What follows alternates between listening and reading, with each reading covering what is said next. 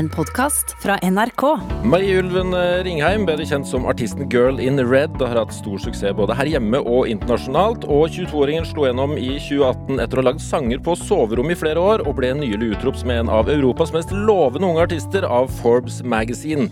Hun er et forbilde for skeive jenter over hele verden og har millioner av følgere på sosiale medier. Drivkraft med Ruben Gran i NRK P2. Og i morgen så kan hun risikere å vinne to Spellemannpriser. Marie, velkommen. Tusen takk. Hei. Hei, hvordan, eh, hvordan har du det? Nei, altså, nå eh, Hvordan har jeg det? Jeg egentlig bare Når noen stiller meg det spørsmålet, har jeg lyst til å legge meg ned på en sånn der, eh, sånn der therapy-seng. Som en sånn liten sånn knekk som jeg, Mhm. mens jeg legger meg ned med å legge hendene på brystet. Nei, fordi nå er det jævlig mye på gang. Er det? Ja, Nå tror jeg lungekapasiteten min er på sånn 20% og det er ikke pga. korona. Det er rent pga. stress. Jeg har ikke korona. Nei, Nei. det er bra. Du stressa du litt for å komme hit, eller? Uh, altså, jeg, jeg, jeg, jeg tror faktisk jeg tok en forbikjøring på høyresida. Ja. Ja. Oi. Så stressa var jeg for å komme meg hit i dag. Med, med bil? Ja, Med bil, ja. Ja. ja. Ikke på sykkel. Det hadde ikke vært like ille. Det hadde egentlig bare vært litt sånn plagsomt kanskje for bilene. Men hva, hva har du gjort i dag, da? Eh, I dag så har jeg utsatt uh, et annet intervju. Jeg skulle egentlig ha et intervju med en sånn belgisk greie, men jeg var sånn, det her klarer jeg ikke. Uh, og så har jeg bare gått tur med bikkja mi og rulla til senga og forsinka meg. Mm. Mm. Er, en meg. hund, er en hund god å ha i, i en pandemi? Ja. Og så, ja. Det er faktisk helt fantastisk å ha en hund i en pandemi, faktisk. Fordi vi er sammen hele tida, og hun er sykt søt, og Altså, jeg tror jeg har blitt et gladere menneske. Jeg tror faktisk jeg hadde vært enda Jeg tror jeg hadde sånn, hatt sånn 3% lungekapasitet om det ikke var for Luna. Mm. Ja, Min hund, altså. Ja, for den heter Luna. Ja. Ganske stor hund, har jeg sett på Instagram. Mhm. Mm. Veldig stor Berner Sennen. Det er, eh, det er min favoritthund. Jeg, det jeg pleide å selge VG før.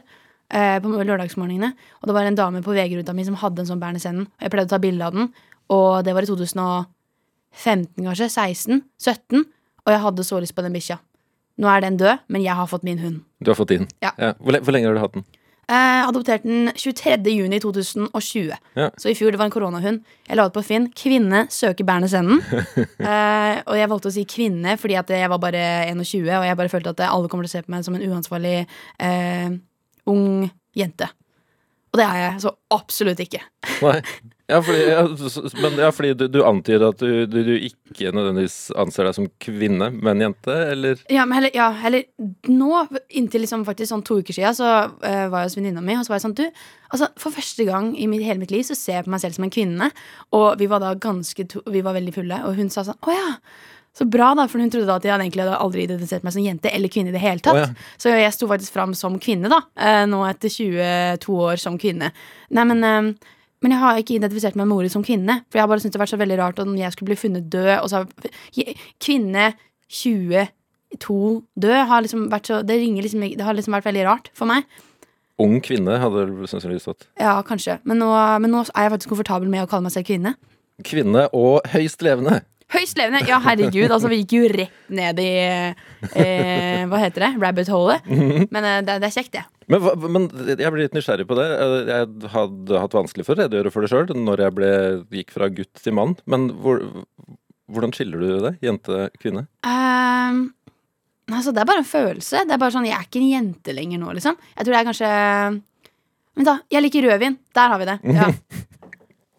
Der er skillet. Det, det, det er det som avgjør. Ja. Ja. Det er ikke bare øl, øl lenger nå. Nå er, det, nå er det rødvin i tillegg, og alle andre slags typer vin. Og kanskje interessen for å bare drikke masse av det også. Der kommer kvinnen inn. Der kommer kvinnen inn. Ja. det er ikke så sunt, altså. Mm, Nei, men sant, hvis du har hund, Ja. så må du opp tidlig på morgenen uansett. Så Ja, da, da går det bra. Da går det greit. Ja. og Apropos hund. Du fikk deg hund eh, i, eh, i koronaens tid. Eh, Hvordan har det siste året vært ellers for deg? Ehm, nei, så jeg har jo laga et album, da. Og det har jo vært uh, en fantastisk, uh, slitsom, kul, bra opplevelse. Så det er egentlig liksom Jeg bare føler at hele 2020 var egentlig bare sånn fram og tilbake til Bergen og lage album, og så Og så var det bare miksing og alt det der.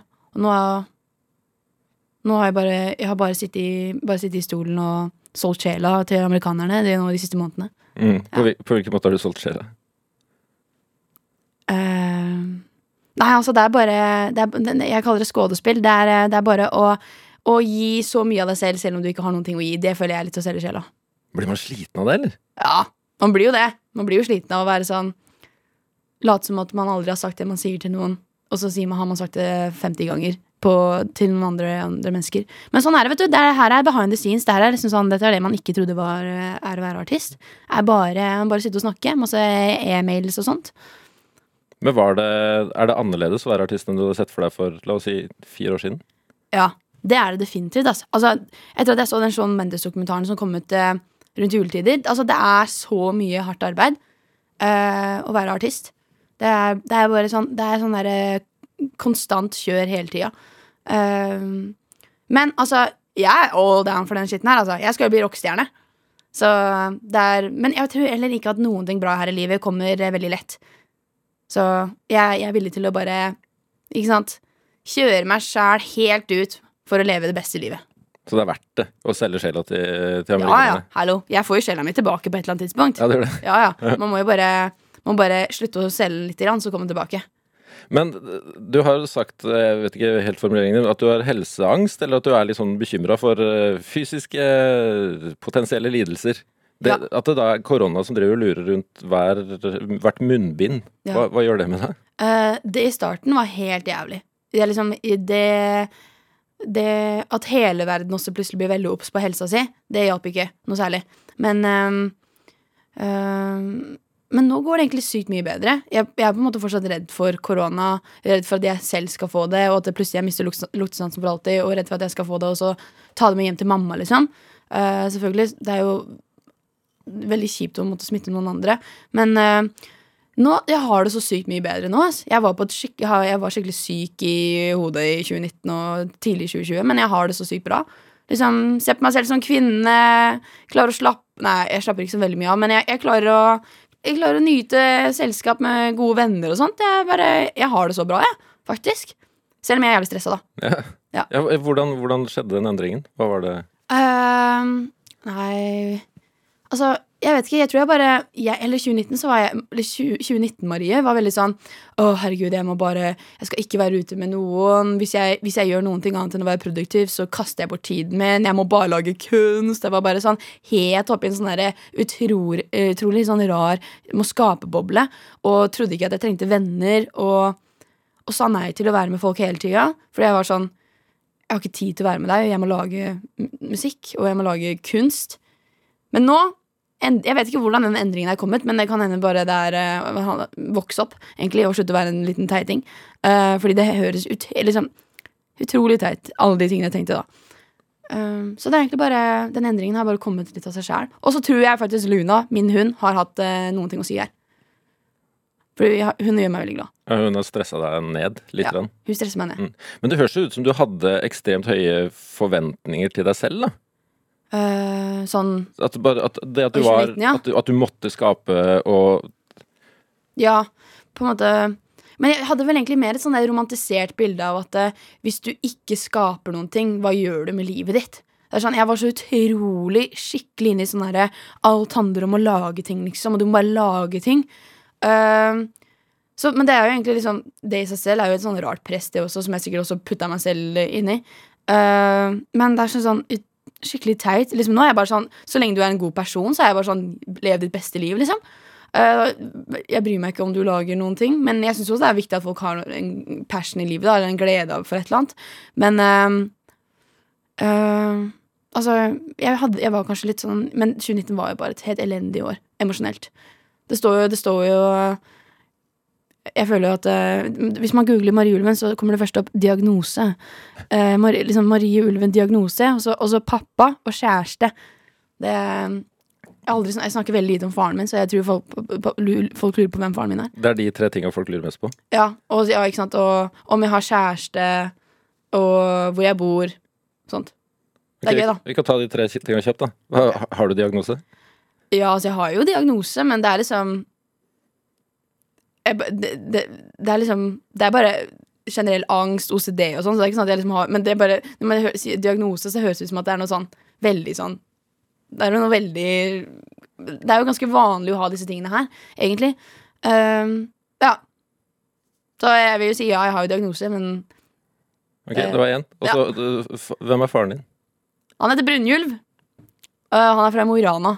Og uh, han, uh, han, han har en Chevrolet Han har en Chevrolet. fra 2001. Hvor, hvorfor snakker du lite om han? Uh, nei, pappa og jeg vi har et enkelt forhold. To enkle menn er vi. Ja. Uh, nei, vi snakker bare om bil og, bil og ting og sang. Så det er vel derfor. Ja. Har du kjæreste? Jeg har ikke kjæreste. Nei. Det har jeg ikke tid til. Nei. Jo da, jeg har veldig tid til kjæreste, alle sammen. P2-lyttere. Det, det kan høres ut som i noen av sangene dine at du er klar for, klar for det. Ja, kanskje. Men eh, jeg, jeg vet ikke, altså. Jeg, jeg lurer sånn på hvor, hvem Kjæreste-Marie er akkurat nå. Uh, fordi hva faen, hvor, hvordan skal jeg, jeg få tid til kjæresten når jeg skal ta over verden, liksom? Vi får se, da. Justin Bieber har gifta seg. Men jeg er jo heller ikke Justin Bieber. Nei, du er ikke det. Nei. Men hvordan, hvordan, hvordan er du som kjæreste, tror du? Altså, jeg er så romantisk. Jeg er tidenes romantiker. Så jeg hadde bare, hadde bare Det er romantisk gesture etter eh, romantisk gesture. Men det er jo ofte sånn i gode tider at da kommer det enda flere gode ting. Eh, og nå er det jo mye vind i seila dine. Ja. Eh, du er nominert til to Spellemannpriser i morgen. Ja. Eh, Forbes Magazine mente at du er en av Europas mest lovende unge artister. Du er Spotify sin siste US Radar Artist. Hva syns du er mest stas av de tre tinga? Uh, jeg syns Spotify Radar er mest stas, på en måte. Fordi det er så utrolig viktig å ha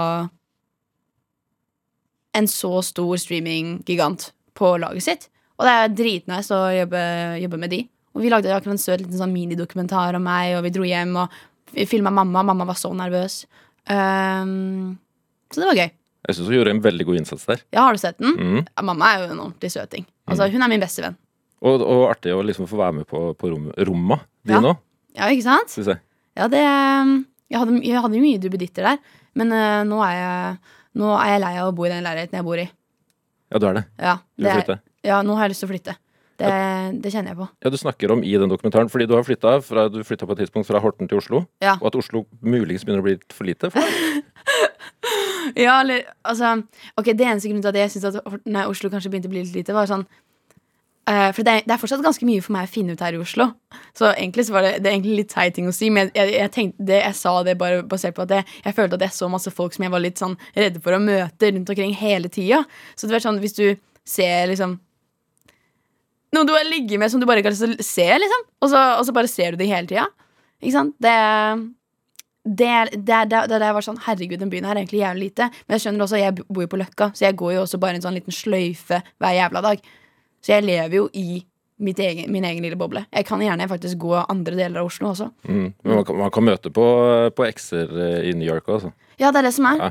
Fordi mest sannsynlig så er vi likesinnede mennesker, og da kommer vi mest sannsynlig til å gå på den samme baren, vi, eller samme pizzastedet, fordi det var så god pizza der. Mm. Så ja, man kommer, man kommer seg aldri unna. Men du får jo veldig mye skryt. Eh, både du blir nominert eh, hit og dit, får skryt, ikke minst for siste, forrige singelen din, 'Serotonin', både i Norge og internasjonalt.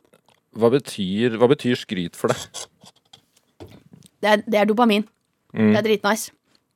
Altså øh, Jeg elsker oppmerksomhet, og jeg elsker å få gode tilbakemeldinger. Det er dritnice. Um, jeg synes det, er, det er så veldig mange som har, tenker at det å, være, liksom, å like oppmerksomhet er en veldig negativ ting. Men det er jo dritnice. Alle artister må jo elske oppmerksomhet på en eller annen måte. Eller alle artister som velger å gå på scenen og performe og sånt. Du må vel like det på en eller annen måte, tror du ikke? Jo, og så er det ikke ganske menneskelig å ønske å bli likt. Jo, det tror jeg. Og jeg, jeg, har jo veldig, jeg har jo veldig lyst til å bli likt. Det en, jeg har jo ikke lyst til å Jeg er veldig redd for å, at folk skal synes at de er slemme, eller sånn. At, øh, for jeg er jo ikke slem, men kanskje de liksom hadde en forventning om hvordan jeg var, og så plutselig så var jeg kanskje litt sånn, sånn litt off, og så var det sånn Ja, Marie, ja, faen, hun var en bitch, ja. Det er jeg redd for. Ja. Ja. Eh, det er en sang du er veldig fornøyd med sjøl òg. Serotonin, ja. Mm. Ja, den er dritfett. Hva, hvorfor er du spesielt fornøyd med den?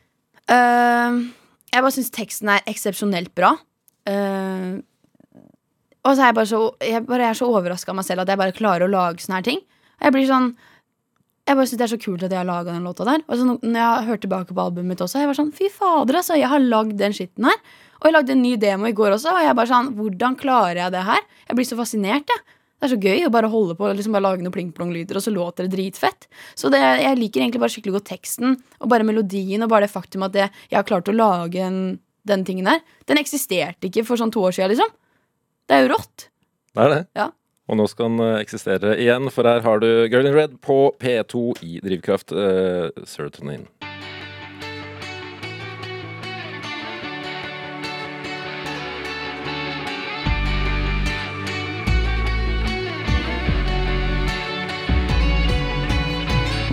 I'm running low on serotonin. Chemical imbalance got me twisting things. Stabilized with medicine. There's no depth to these feelings. Dig deep, can't hide from the corners of my mind. I'm terrified of what's inside. I get intrusive thoughts like cutting my hands off, like jumping in front of a bus, like how do I make the stop when it feels like my therapist hates me? Please don't let me go crazy. Put me in a field with daisies, might not work, but I'll take a maybe. Oh, been breaking daily, but only me can save me. So I'm capitulating,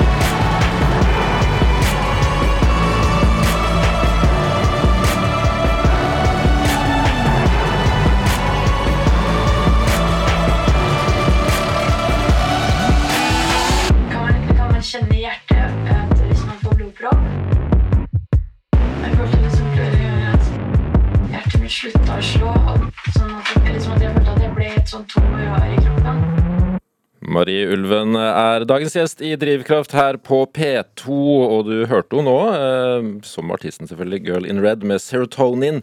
Hva, hva er det du snakker om på slutten der? Blodpropp og Ja.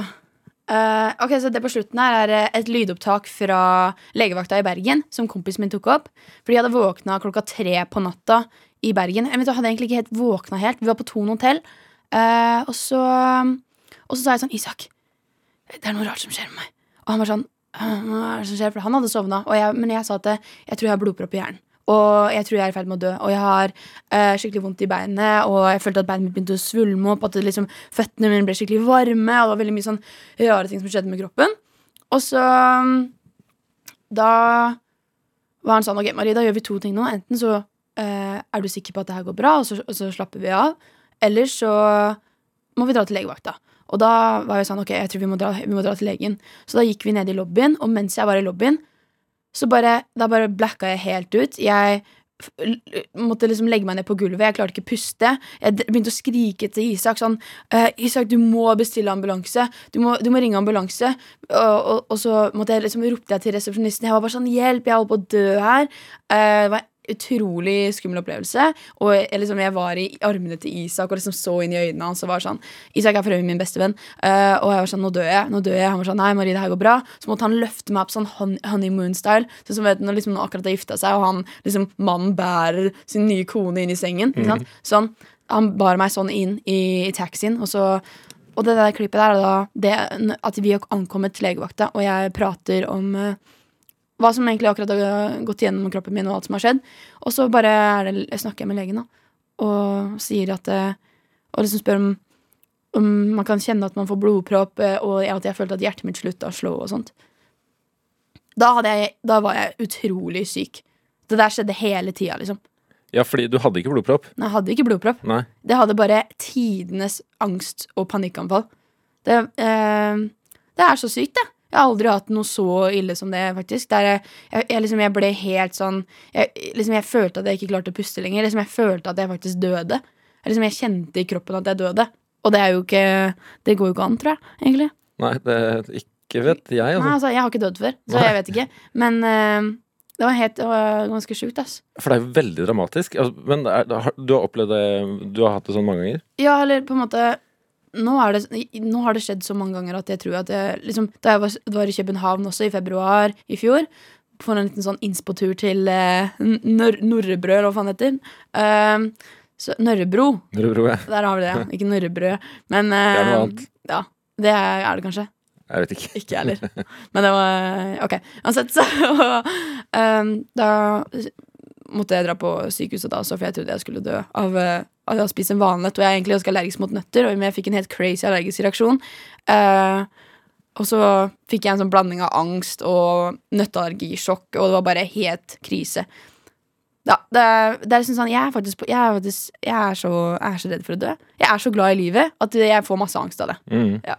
Ja, for det er mest det, det er- det er lysten for å leve som gjør deg redd for døden? Ja, altså jeg har så lyst til å leve. Jeg syns det er så kult, det. Og det er så vakkert å bare gå nå og bare si at det spirer, og at det er vår. Fy søren, altså. Men betyr det at du har det bedre med de, de anfallene der nå? Ja, nå har jeg det, nå har jeg det ikke Nå har jeg ikke hatt så, et sånn type anfall på skikkelig lenge. Og, jeg, og, jeg, og noen ganger når jeg skal legge meg Det er ofte når jeg skal legge meg at jeg liksom begynner å liksom tenke veldig på at jeg kjenner at hjertet mitt dunker. Og jeg syns det er veldig skummelt å kjenne at hjertet dunker. ass. Ja, ikke sant? Det er, liksom, Noen ganger så kjenner man det ekstra. Og der blir jeg sånn, det, liksom, Det er faktisk bare den lille dingsen her i kroppen min som bare jobber av seg sjæl. Og det er, liksom, det er ikke noen garanti for at den bare skal fortsette. da Uh, Og noen ganger så får jeg de tankene på kvelden. Men jeg har nå lært meg liksom å å ikke gå inn i alle de vonde tankene, eller de tankene om at nå kan hende jeg aldri våkner opp igjen. Fordi det er sånn Nå tenker jeg om jeg ikke våkner opp, så kommer jeg ikke til å merke det. Ikke sant? Ikke sant? Men har du, har du fått hjelp med ja, dette her? eller jeg gikk til um, sånn derre eh, Gikk til psykolog fra januar til april-ish.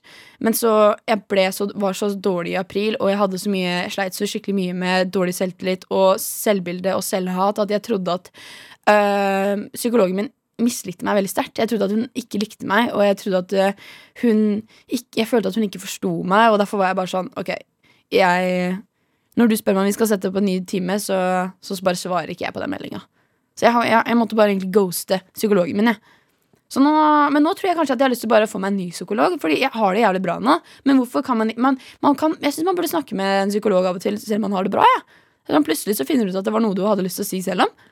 Ja, er, er ikke det sånn der råd om at det er når man har det bra at man skal ta opp de vanskelige tinga? Ja, kanskje. Fordi da er man mer uh, i balanse til å faktisk snakke Altså, Jeg har ikke hørt det rådet der, men eh, det er, det er sånn jeg i hvert fall tenker oppi hodet nå også. Hvis jeg skal gi et råd i dag, så er det det. Jo, Ja. tusen takk, Ruben. Snakk om de vanskelige tinga Ja. når du har det bra. Jeg trenger det. Ja. Men altså, og i, og i sangen her også beskriver du jo ganske mørke eh, tanker og, og tilstander. Hvordan, hvordan er det å ta alle disse tinga her da, inn, inn i en sang? Ehm, nei, altså, eh, på Serotonin så gikk, eh, gikk egentlig ting bare veldig sånn av seg sjæl.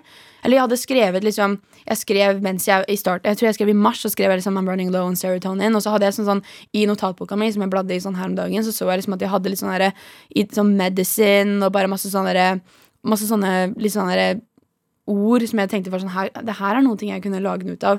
Men jeg hadde egentlig bare den setningen running low on serotonin. Og så i sommeren i fjor Eller sommeren i fjor Så hadde jeg leid en sånn hytte ute i Fana. En sånn derre Sånn, sånn Airbnb-hytte.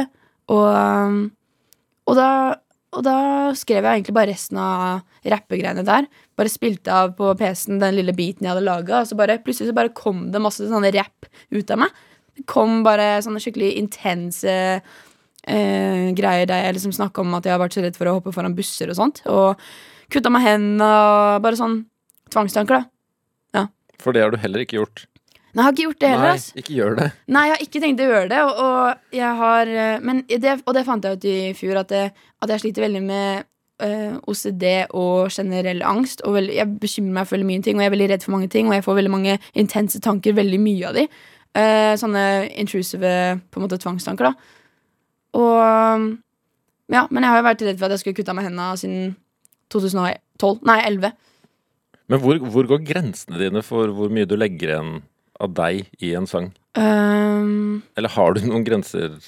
altså, jeg føler egentlig at den serotonin Den var litt sånn grenseløs. Mm. Som jeg mener? Det er sånn, den er, jeg, jeg, jeg synes, det er så, det er så sånn, sånn graphic Explicit uh, Sorry, de engelske ordene mine, men jeg begynner å ta over vokabulæret mitt nå. Men uh, det, er, det er så rått, da. Det er skikkelig sånn ufiltrert. Så jeg vet egentlig ikke om jeg har noen grenser, jeg. Men, det er, men liksom jeg tror jeg, jeg skriver bare om de tingene jeg er komfortabel med å skrive på en eller annen måte.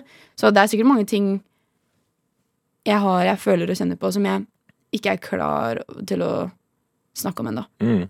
Og det er sikkert der den grensa går, at jeg bare ikke gjør det. Når, når er det du skriver sanger? Altså, nå har det vært veldig lite skriving.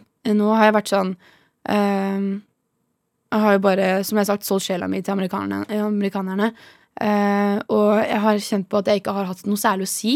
Men nå, som jeg sa i stad, at jeg har begynt å skrive på en ny låt. Og jeg skal til Bergen eh, neste måned.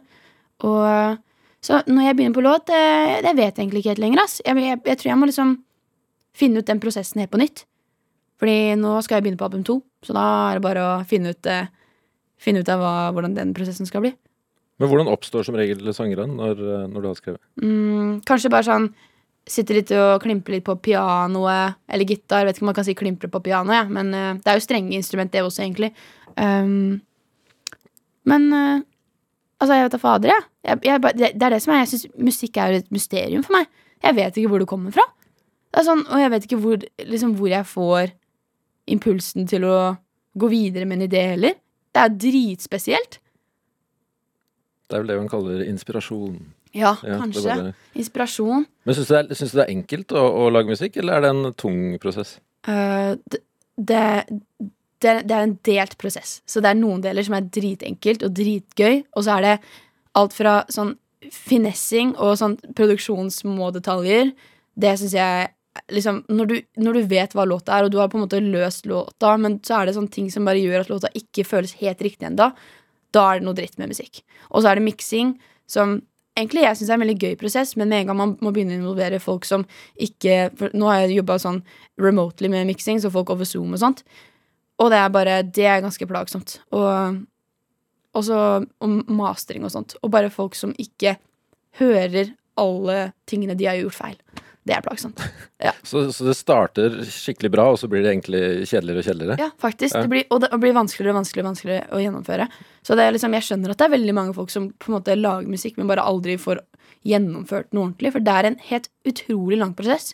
Så da jeg holdt vinyl, to vinyler av meg jeg, hadde, jeg, hadde, jeg har to vinyler, og jeg holdt begge de to i hendene mine her om dagen. Og jeg var sånn, fy fader, ass! Jeg har gjennomført så jævlig mye!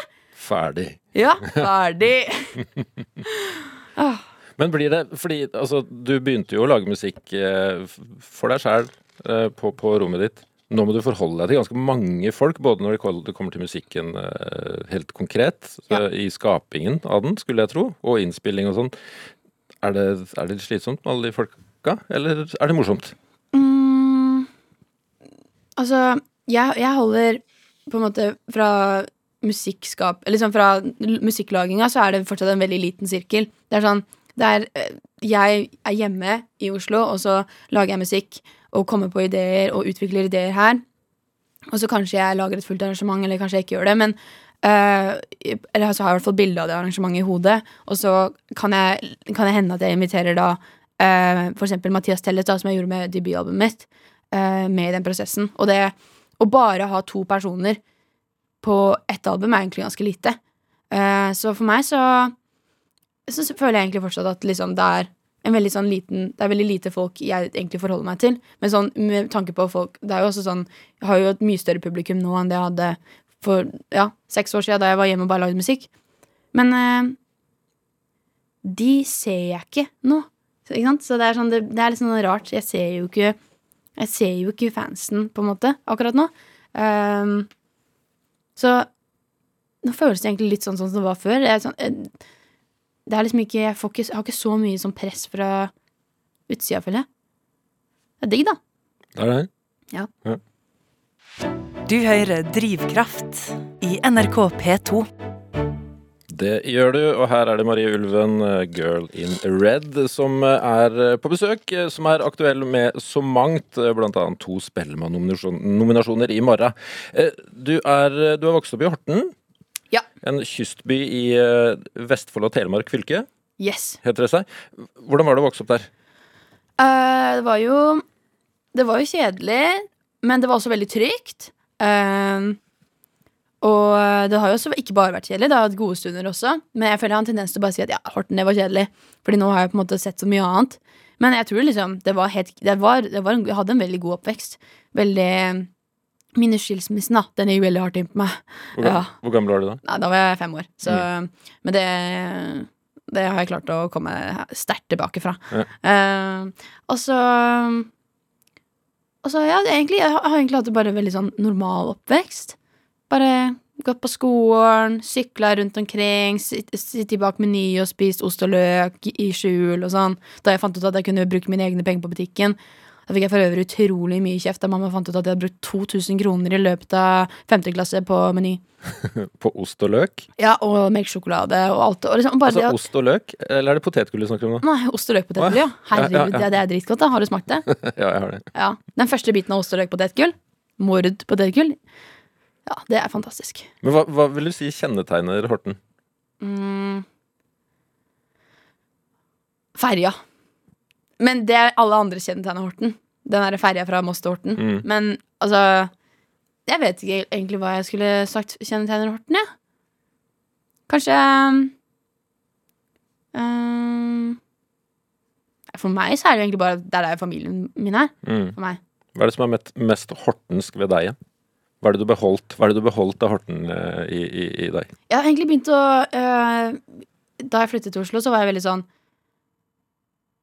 uh, Begynte å Dialekta mi Jeg, jeg, jeg har holdt litt grann, jeg liksom holdt at jeg er fra Horten, og ikke liksom begynt å, å liksom snakke mye penere eller noe sånt. Jeg vet faen, jeg. Jeg vet egentlig ikke hva jeg har beholdt. Jeg. Jeg har, hele jeg, jeg lever. Jeg har beholdt, beholdt hvem jeg er. Ja. Jeg har ikke blitt, jeg har ikke blitt en En, en øh, Jeg vet ikke hva jeg, hva jeg skulle blitt, jeg. men jeg har jo bare beholdt, øh, beholdt øh, Marie. Mm. Men hvem, da, da du bodde der, da, eh, hvem, eller hvordan, hvordan var du som barn?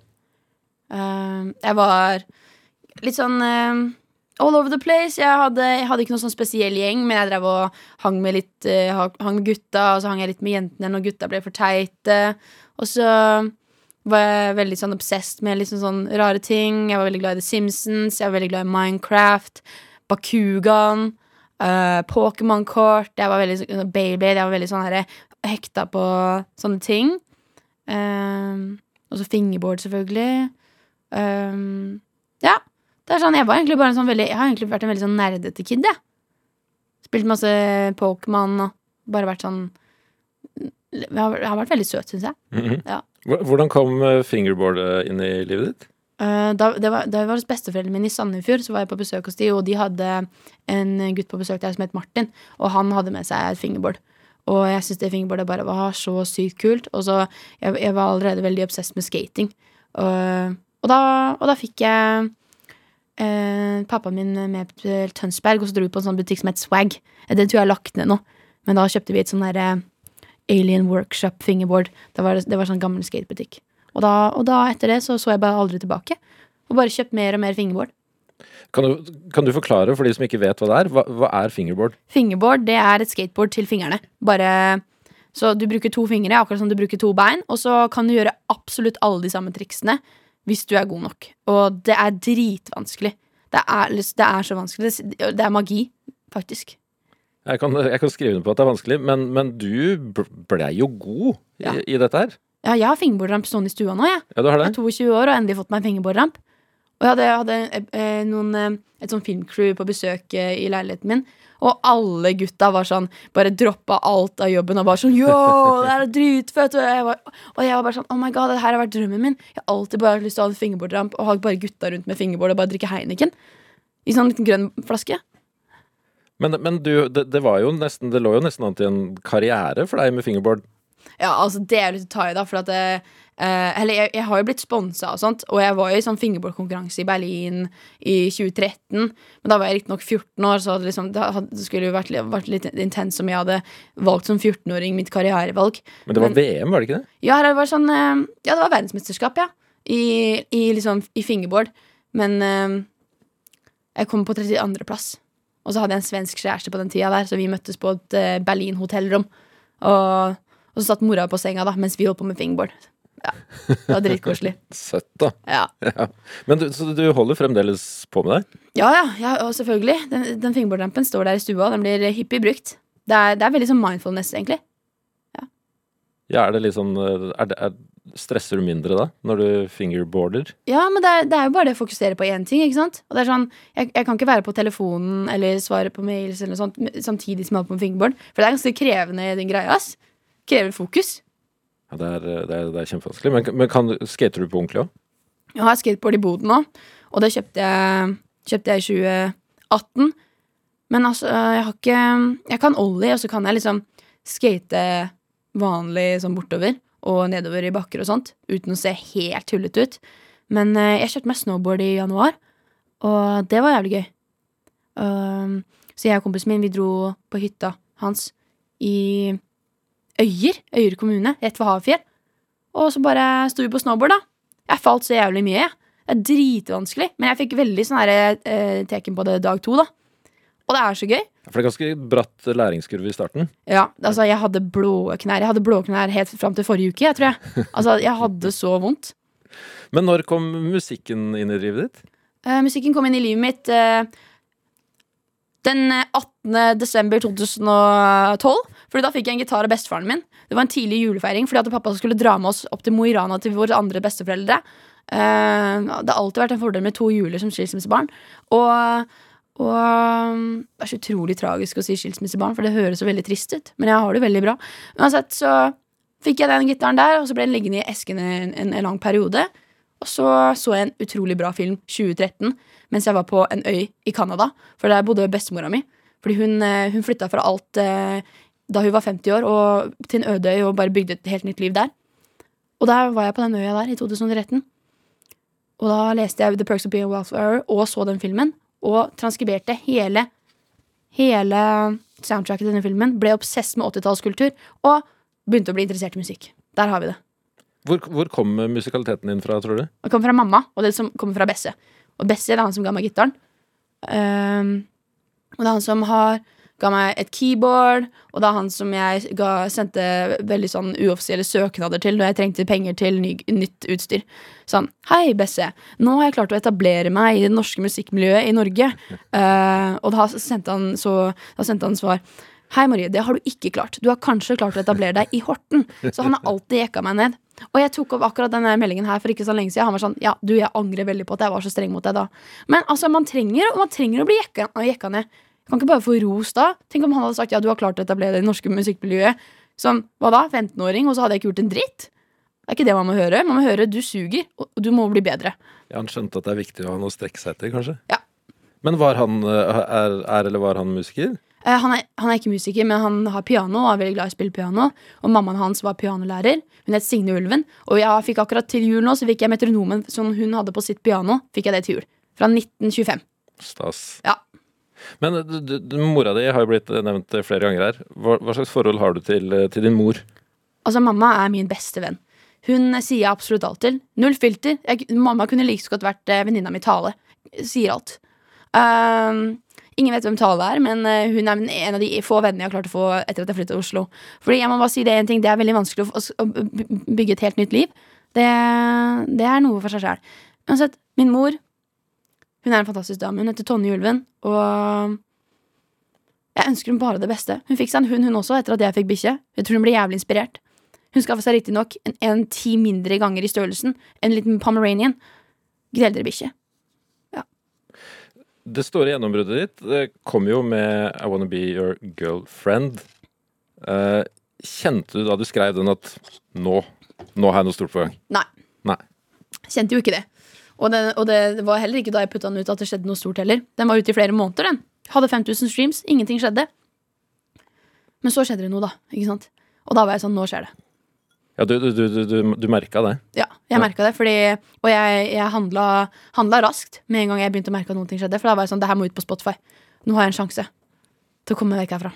Men du syns det har gått fort fra da til Altså nå, når alle, spesielt USA, skal ha en bit av det? Om, det, om jeg syns det har gått fort, gått fort? Mm. Nei. Nei. Altså, det her var jo 20 Det er, det er fire år, da. Men det, på en eller annen måte så er det jo fort. Men det er liksom sånn 2017 føles jo som et annet liv. Jeg føler, jeg føler meg ikke som Når 2019 Marie var en liten teiting, da kan du gjette hvordan 2017 var. så øh, altså, jeg, føler, jeg føler ikke det har egentlig gått så veldig fort, det. Men det er liksom sånn Jeg føler egentlig det går i det tempoet det burde. Liksom, det har ikke gått for fort, så jeg har ikke rukket å henge med. Og så har jeg bare hatt én stor låt som jeg måtte på en måte jage etter. Men det er sånn, jeg føler jeg har hatt, sånn perfekt tempo der jeg har tid til å vokse musikalsk og tid til å på en måte å bli bedre. Sånn at på det punktet jeg er akkurat nå, så kan jeg slippe den beste musikken jeg noensinne laget, og kalle det mitt debutalbum. Så jeg, jeg syns egentlig bare timingen er sånn dritnice. Men klarer du å sette grenser for alle de som vil ha noe med deg å gjøre? Eh, eller jeg har, jeg har jo et team som på en måte sier at de filtrerer ut uh, Ut liksom de mest uviktige uh, hendelsene, da. Men altså jeg, jeg- prøver å sette grenser. Jeg har nå satt av tid i kalenderen min tid til, til deg jeg må gå tur med Luna. For det, det måtte jeg gjøre. Hvis ikke så Fordi kalenderen min er litt sånn sånn det er liksom sånn, Hvis det er et åpent rom der, så, så kan vi bruke den tida. Så det er ikke noe sånn 'Å, her kan Marie få tid til å slappe av'. Det er mer sånn det er sånn, Jeg har tidenes Tetris-kalender, liksom. Men jeg har fått en egen assistent da, som fikser det for meg. Det er nice. Herregud, så rått å si det. Ja, Ja, Blir du stolt? ja det er jo ganske kult, da. Føler du det er viktig? Nei. Nei, ja, du gjør ikke det? Nei. Og det, det har jeg sagt det til assistenten min også, at jeg syns det øh, at, øh, jeg- at vi, hun er jo bare sånn to år eldre enn meg. Hun heter Blair, og hun er dritsøt. Og, og jeg bare syns det er så rart å si at hun er assistenten min. Hun var sånn 'Hei, Marie, jeg elsker det her. Det her er jobben min', liksom. Og jeg blir sånn OK. Fordi liksom uh, Det bare føles så sykt feil å si sånn 'Kan du ta det her med assistenten min?' Herregud. Men det er jo litt rått også, da. Så jeg har egentlig bare lyst til å embrace det. Uh, egentlig, og ikke være sånn 'Å, nei, jeg er så jeg, jeg, jeg har, jeg har, det er sånn, Man blir ikke noe mindre på en måte jordnær av å ha en assistent. Det er, egentlig, det er ganske vanlig egentlig å ha hjelp for å kunne klare seg. Og det er viktig òg. Ja, det er kjempeviktig. Så det er, det er jo ikke det at jeg ikke har lyst, det er bare sånn jeg hadde faktisk ikke klart meg uten hjelp. Skal vi høre litt av uh, gjennombruddslåta di? Gode gamle I wanna be your girlfriend!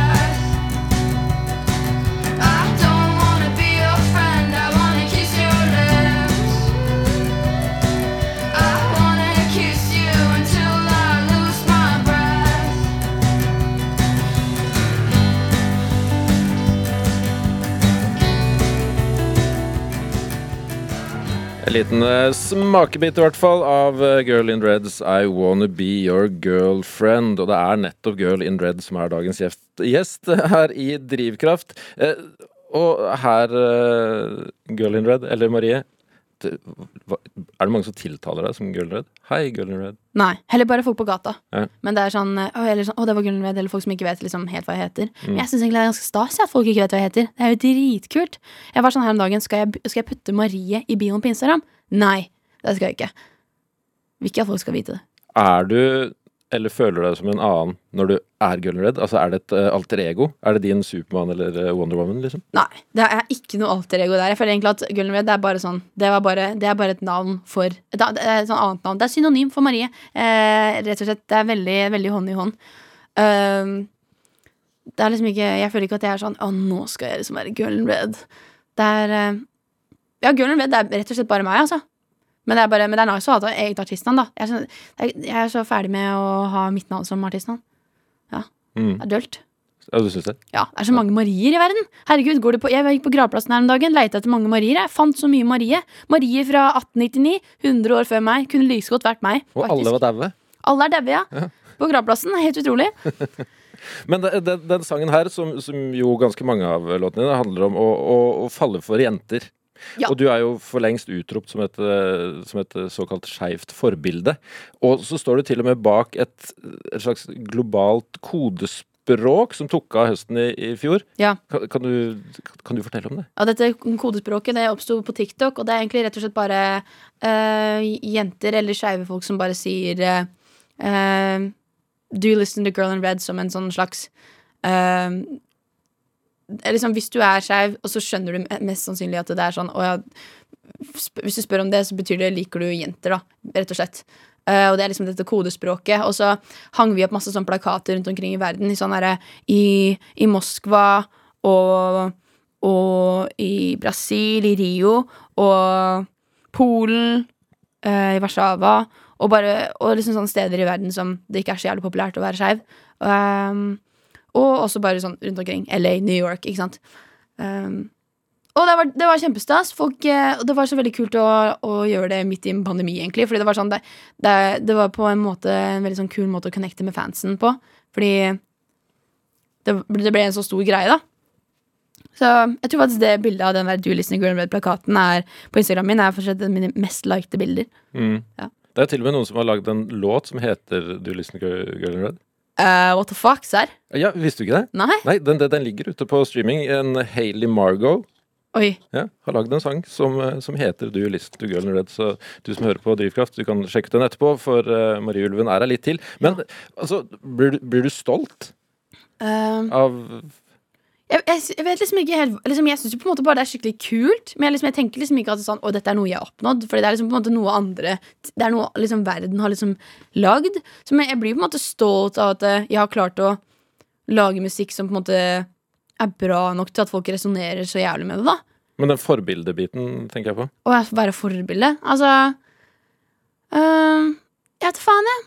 Du har, sånn- blitt, du, blitt, du har blitt et verktøy for folk til å mm, komme ut. Det er, det er jævlig fett, liksom, men samtidig så har, begynner jeg liksom Jeg lurer litt sånn på hvordan jeg skal navigere meg gjennom det å liksom være et forbilde. Og, og liksom ha Fordi jeg, jeg gjør ganske mange intervjuer, og jeg blir veldig liksom spurt om det er liksom en ansvar og, og sånt. Det er sånn Jeg, jeg, liksom, jeg, jeg er 22 år, jeg vet da fader, jeg. Så det er liksom sånn eh, men jeg synes, så lenge egentlig folk Hvis folk ser opp til meg, så tenker jeg sånn det, da, da, Du gjør ikke noe feil der, for å si det sånn. Fordi jeg føler at jeg er en ganske god person, og jeg er en god person å se opp til.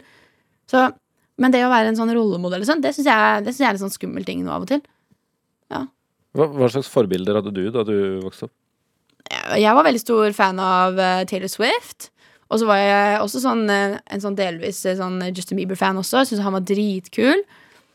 Um, og så var jeg One Direction-fan. Jeg var ganske sånn Jeg var en eh, Jeg var en eh, Hva skal jeg si? En enkel pige. Men hadde du noen, eh, noe det, altså, sånn, Som sagt, skeivt forbilde. Hadde du noen sanne? Var det noe du liksom trengte, eller Jeg hadde ikke det da jeg var veldig, veldig ung. Da så jeg mest bare på sånne YouTube-videoer av folk som kom ut og grein og bare sa hvor vanskelig det var. Og så var jeg sånn, fy faen, det her skal ikke jeg gjøre.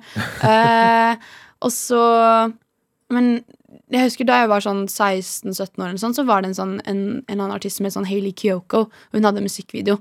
Egentlig, liksom, men hun var ikke et forbilde for meg på den måten. Men det var bare den videoen var veldig viktig for meg. Men det er sånn, jeg har liksom ikke hatt hun som et forbilde heller, liksom. Det var bare sånn, mer den videoen var veldig sånn Oi, den her trengte jeg på det tidspunktet her i livet mitt.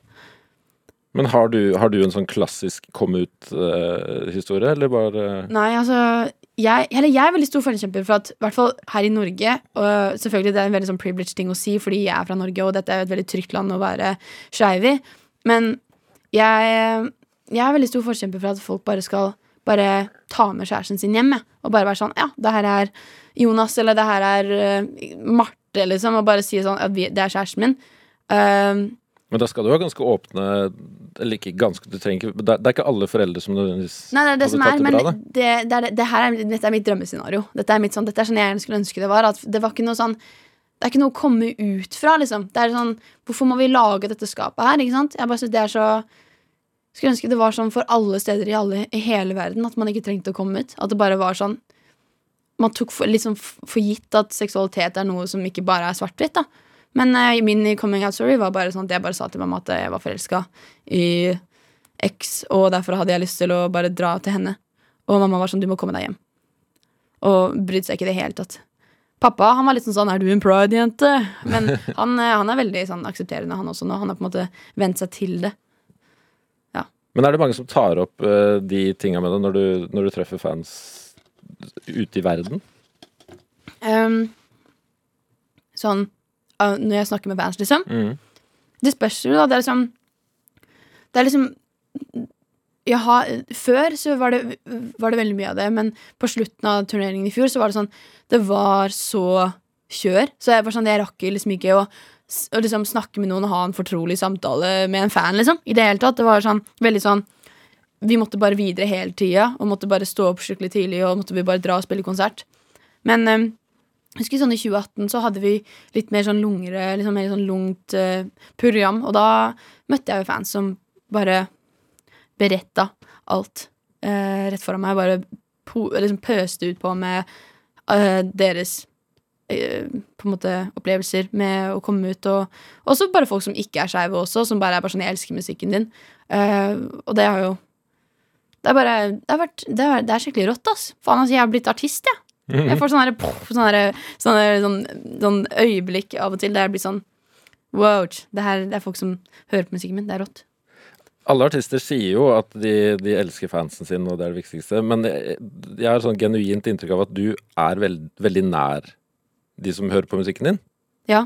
Kommuniserer du mye med fans i det daglige, liksom? Jeg har hvert Det er én gruppechat med fans som jeg bare syns er hysterisk morsom å være med i. Og det er en gruppechat som heter sånn Midnight Loves. Og det er sånn folk fra sånn Paris og Amsterdam og sånt. Og de bare De er så jævlig lættis, og de bare roaster meg som at jeg er bestevennen deres. liksom Og de bare er dritfrekke mot meg, og jeg, men på den beste måten. da Og bare på en måte Hvis jeg sier ting, så er det sånn Det var jævlig teit å si. Og det er akkurat sånn som jeg gjør med mine venner. Bare liksom Og bare er litt sånn spydig. Bare en sånn kjærlighetsfull spydighet. Det er gøy.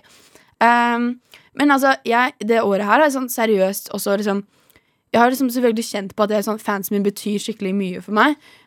Før, da jeg spilte konsert, jeg var sånn Det her er så utrolig fint. Men nå er jeg sånn Fy faen, jeg trenger jævlig fansen til at det her det hele tatt skal føles ekte. Det er sånn, jeg føler meg jeg har følt meg langt Jeg har følt at jeg, liksom, jeg har vært en sånn rar sånn fjernhet mellom meg og fansen det siste året nå, fordi at jeg ikke har sett dem live, og ikke, ikke møtt en ekte person som bare kommer løpende mot meg og klemmer meg, liksom. Det, det kunne jo vært eh, også en familie, da, men liksom, eller et familiemedlem som kunne klemt meg. Men jeg, jeg mener meg bare sånn Jeg trenger å vite at det her er ekte, og jeg, derfor, det er så Det er sånn helt crazy følelse man får av å, å ha Å liksom møte en fan. Faen, fans, ass! Tenk at jeg har fans! Du har Jeg blir så eh, fascinert, jeg. Det er riktignok et år til, men eh, neste vår så har du en, eh, allerede en utsolgt turné. Og det er bare den ene som er annonsert. Ja. Ja. Hva er det du gleder deg mest til med å dra på turneen? Åh, fy fader, altså Jeg gleder meg til sånn etter, etter konserten, når jeg har spilt hele greia. Så det jeg elsker å gjøre på slutten av, er å lene meg ut i publikum og bare klemme de på første rad, sånn her. Og bare, og, og bare si, for å si takk for konserten. Og det er så koselig. Åh, jeg blir så glad av å tenke på det. Jeg begynner bare å smile og bare og tenke på liksom, det det. Fordi alle blir sånn ja, jeg, vet faen, jeg, jeg kunne liksom bare gått av scenen og bare vært tidenes sånn derre Yo, nå skal jeg bare gå av scenen og liksom bare aldri Ikke bare liksom ta en sånn derre kongelig lite vink. Men det er bare så koselig å bare Å bare klemme. Åh, jeg gleder meg så mye til å klemme. For, ja, altså, Ja, Du får verken spilt eller klemt, du.